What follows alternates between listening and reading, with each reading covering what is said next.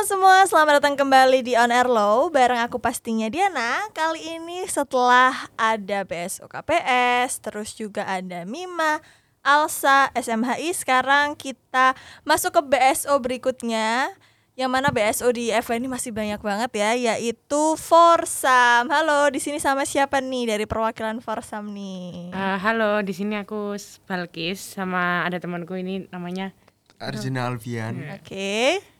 Sebagai apa nih? Aku selaku Kadif Hukum dan Advokasi dari Forum Studi Advokasi Mahasiswa. Oke. Okay. Kalau aku sendiri dari uh, koordinator umum. Oke, okay, jadi koordinator umumnya Forsam. Nah, kalau boleh tahu Forsam tuh kepanjangannya apa sih atau singkatannya apa? Singkatannya sendiri tuh Forsam itu Forum Studi Advokasi Mahasiswa. Oke, okay, itu ngapain di Forsam itu tuh? Uh, di Studi Advokasi Mahasiswa ini jadi lahan pembelajaran sih bagi mahasiswa Fakultas Hukum Universitas Erlangga bagi teman-teman yang ingin belajar soal advokasi nih di bidang hukum. Dan lebih tepatnya untuk meningkatkan esensi atau kepekaan dari mahasiswa itu sendiri terkait isu-isu yang sedang meronta-ronta di lingkungan nasional maupun di lingkungan kampus terkait advokasi itu sendiri. Oke, jadi uh, berfokusnya di bidang advokasi ya. Yeah. Hmm. Nah, ini pertanyaannya mau tanya aja ya. Terus perbedaan uh, Forsam dengan SMH itu apa? Apakah dari uh, kalian arahnya advokasinya tuh berbeda atau mungkin kalian lebih advokasinya tuh lebih gimana gitu mungkin apa perbedaannya? Uh, terkait SMHI sendiri mungkin aku kurang tahu ya karena aku hmm. tidak berkecimpung di keanggotaan dari SMHI itu sendiri. Cuman kalau dari Forsam itu memang dari awal arah geraknya itu lebih difokuskan ke terkait advokasinya, okay. yang di mana uh, melakukan penyuluhan secara offline, lebih peka terhadap isu-isu di sekitar, lalu lebih ke usut tuntas sih Forsam itu lebih jalan ke turun lapangan usut tuntas perkara-perkara yang ada di lingkungan masyarakat gitu. Oke, terus uh, awal mula kenapa kok akhirnya Forsam itu ada di antara Eva Uner tuh kenapa? Uh, mungkin karena apa ya? Banyaknya isu isu-isu hukum yang mana itu uh, membutuhkan uh, apa ya namanya itu peran mahasiswa peran mahasiswa okay. gitu jadi Forsam sendiri itu mewadahi untuk mahasiswa dalam uh, advokasi tadi yang dibahas sama Bian penyuluhan secara offline gitu-gitu. Oke, karena mau uh, apa ya menimbulkan rasa kepekaan ya terhadap Benar. para mahasiswa atas kejadian-kejadian di sekitarnya nih biar nggak pura-pura buta nggak pura-pura tuli tentang apa pun yang terjadi di sekitarnya. Nah ini pertanyaannya adalah ketika nanti nih calon maba atau maba-maba itu pengen uh, menjadi anggota forsam, apakah harus orang yang suka advokasi atau boleh nggak sih kayak aku tertarik advokasi tapi aku tuh masih takut advokasi nggak apa-apa nggak sih daftar forsam atau nggak nggak boleh harus yang advokasi aja gitu? Hmm, seperti yang aku katakan tadi ya forsam ini kan sebagai wadah pembelajaran. Jadi mungkin forsam ini butuh orang yang mau belajar bukan butuh orang yang udah punya potensi tersebut. Karena pada dasarnya wadah pembelajaran ini ya memang disediakan untuk bagi mahasiswa yang ingin belajar gitu. Karena aku dulu juga ketika berkecimpung di Forsam, keanggotaan Forsam ya. Aku dulu nggak punya basic apa-apa terkait advokasi. Yang pada akhirnya aku ada kemauan belajar, lalu aku dibimbing dan dibina. Yang pada akhirnya aku punya potensi soal kepekaan, cara usut tuntas dan sebagainya macam. Jadi emang pada dasarnya cuma butuh orang yang mau belajar aja sih. Gitu. Tapi kalau misalnya nggak tertarik di bidang advokasi, tapi mau join Forsam boleh nggak? Hmm, bisa dijelasin ya karena uh, di Forsam sendiri juga bukan hanya advokasi sih kan okay. juga namanya kan uh, mm, turun ke masyarakat ya kan? Uh, jadi kita turun masyarakat itu bukan hanya untuk advokasi aja sih. Kemarin itu beberapa ada proker yang contohnya kita uh, seperti bagi-bagi bagi-bagi ini bagi-bagi makanan tengah jalan itu. Okay. kayak uh, jadinya itu jatuhnya itu nggak hanya advokasi sih jadi jatuhnya itu juga ada ke masyarakatan okay. tentang sosial okay. gitu.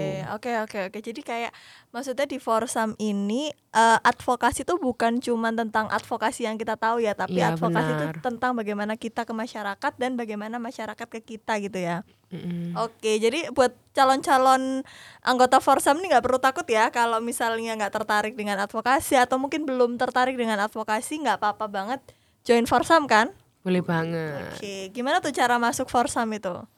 Kalau cara masuk Forsam sendiri, kalau sesuai dengan ADART dari BSO kita sendiri itu ya pribadi, ada yang namanya diklat. Oke. Okay. Kalau dari Forsam sendiri ada ADRT yang menganut terkait peraturan cara masuknya lewat diklat.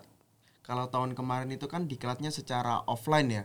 Dan kemungkinan untuk tahun ini juga bakal diadakan diklatnya secara offline juga. Namun dengan cara pembungkusannya beda. Karena kalau tahun kemarin itu cara pembungkusannya hanya soal advokasi ya yang dikenalkan ya. Kalau tahun ini bakalan berbeda. Yang kemungkinan bakal uh, banyak banget tuh corak-corak yang beragam dari tiap divisi yang nantinya punya uh, keberagaman diklatnya sendiri juga gitu. Oke, jadi, jadi tetap bentuk komunikasinya lewat diklat. Tapi nggak advokasi aja ya yang tahun ini akan digalakkan, mungkin ada yang kayak internal, eksternal atau mungkin yang lain Managerial, sebagainya. Oke, gitu. jadi nggak melulu tentang advokasi ya. Nama diklatnya apa sih Forsam itu?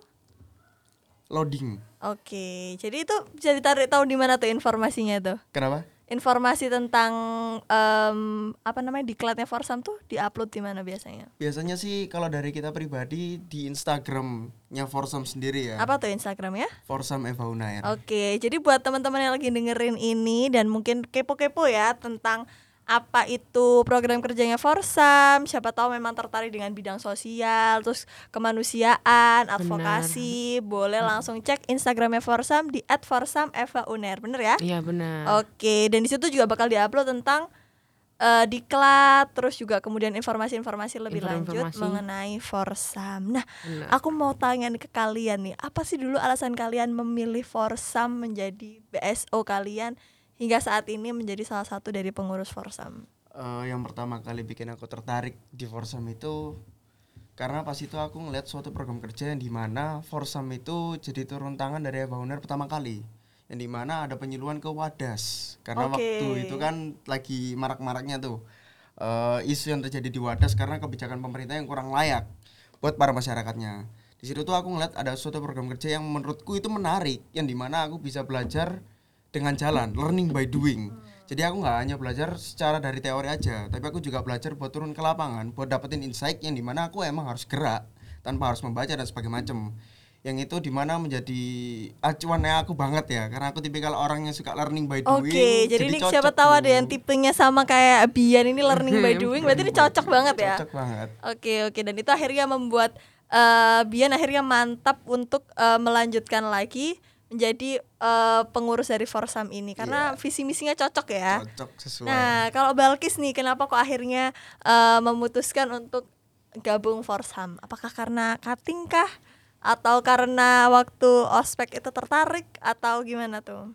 Uh, awalnya aku juga mikir ini sih karena aku juga dulu itu kepo banget sama namanya advokasi apalagi aku tuh suka banget sama namanya sosial. Oke. Okay.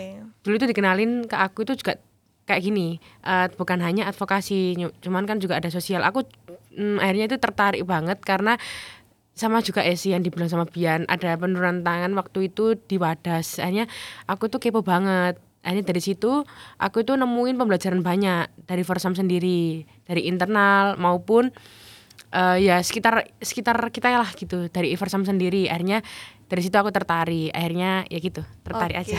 jadi uh, tapi awal mulanya memang ada ketertarikan dengan advokasi ya?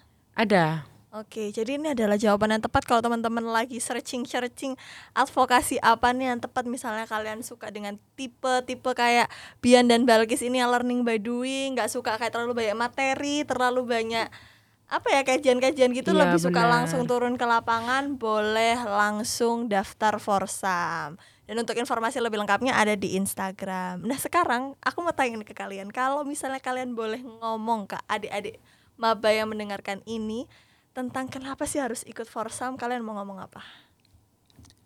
Iya, buat adik-adik maba tahun 2023 ya, yang nantinya akan masuk ke Fakultas Hukum UNAIR, mungkin ada yang bingung nih terkait advokasi itu seperti apa, terkait penyuluhan secara langsung itu seperti apa, dan ap dan apabila ada yang ingin mendalami tentang peran mahasiswa itu sendiri soal advokasi, bisa join di forum studi advokasi mahasiswa. Kita belajar bareng-bareng di sini. Nantinya aku berharap uh, kita bisa menjalankan tugas dan amanah kita sebagai mahasiswa itu sendiri dalam bidang advokasi secara tuntas. Oke, kalau versinya Belkis nih? Hmm, kalau aku buat adik-adik maba sih nggak jauh beda ya sama Bian. Karena kan juga uh, kalian di sini kan juga Mm, nggak hanya teori gitu loh anak fakultas hukum sendiri itu kalau kita cuman belajar teori sendiri kan uh, gitu kosong kan jadinya. Itu. Jadinya kan kalau kita belajar sama belajar dari teori sama praktek itu seperti selaras gitu. Kayak pas gitu iya, ya. benar. Jadi uh, menurutku Forsam ini udah cocok gitu loh buat uh, adik-adik yang mau belajar praktik maupun teori sendiri gitu. Baik ya memang sudah punya ketertarikan di bidang advokasi maupun nantinya akan tertarik dalam bidang advokasi nggak apa-apa banget untuk join Forsam. Forsam tuh udah kayak senioritas gitu nggak sih kayak harus gimana gimana gimana atau semuanya membaur jadi satu ini yang paling sering ditanya ini soalnya kadang-kadang image kayak semacam advokasi terus image yang kayak FH banget itu adalah yang kayak senioritas terus hmm. yang kayak apa ya kamu nggak boleh ngomong apa apa nih kalau masih di awal-awal jadi awal-awal maba itu nggak boleh ngomong apa apa nggak boleh berkomentar nggak boleh apa. Tapi kalau di Forsam kayak gitu nggak? Nggak. Kalau dari aku pribadi selama aku berkecimpung di Forsam selama dua tahun ini ya hmm. aku lebih ngerasain soal keharmonis keharmonisasian asas kekeluargaan sih. Okay. dan aku nggak pernah ngerasain yang namanya senioritas dan sebagainya macam. Karena emang pada dasarnya walaupun kita selaku pengurus ya kita masih setara dan kita masih sama-sama belajar lah itu kenapa mungkin yang aku rasain adalah kehangatan keharmonisasian asas kekeluargaan yang ada di Forsam itu sendiri gitu. Oke, jadi nggak ada ya kayak gitu-gitu ya? Nggak ada. Selama ini aku juga belum merasakan seperti itu sih. Oke, jadi tuh nggak usah ragu lagi, nggak usah khawatir. Siapa tahu langsung bisa learning by doing. Benar. Di Forsam, jadi advokasinya bukan sekedar omong doang aja, tapi direalisasikan. Boleh langsung kepo-kepoin Instagramnya Forsam di @forsamfhuner. Terima kasih banyak, Balkis dan juga Bian sudah mau hadir mengisi podcast tentang Forsam hari ini. Informasi lebih lengkapnya bisa diakses di Instagramnya Forsam di @forsamfhuner atau punya platform lain mungkin? Uh, nggak ada sih Instagram aja ya Hanya satu platform itu ya, jadi supaya informasinya juga uh, lebih akurat dan juga lebih pasti jadi buat teman-teman semua yang lagi mendengarkan ini yang penasaran tentang Forsam yang mau ikut Forsam atau ingin mengenal lebih dalam tentang Forsam prokernya apa aja, ngapain aja, boleh langsung dicek Instagramnya di @forsamevauner. Terima kasih banyak Balkis dan Bian sudah mau hadir hari ini. Semoga Forsam makin jaya ke depannya dan juga semakin lancar dan dapat menerapkan ilmu advokasi tersebut dengan baik. Terima kasih Amin, banyak teman-teman iya. semua sudah mendengarkan hari ini. Jangan lupa buat dengerin episode lain dari On Air Low and see you guys on another episode. Bye bye.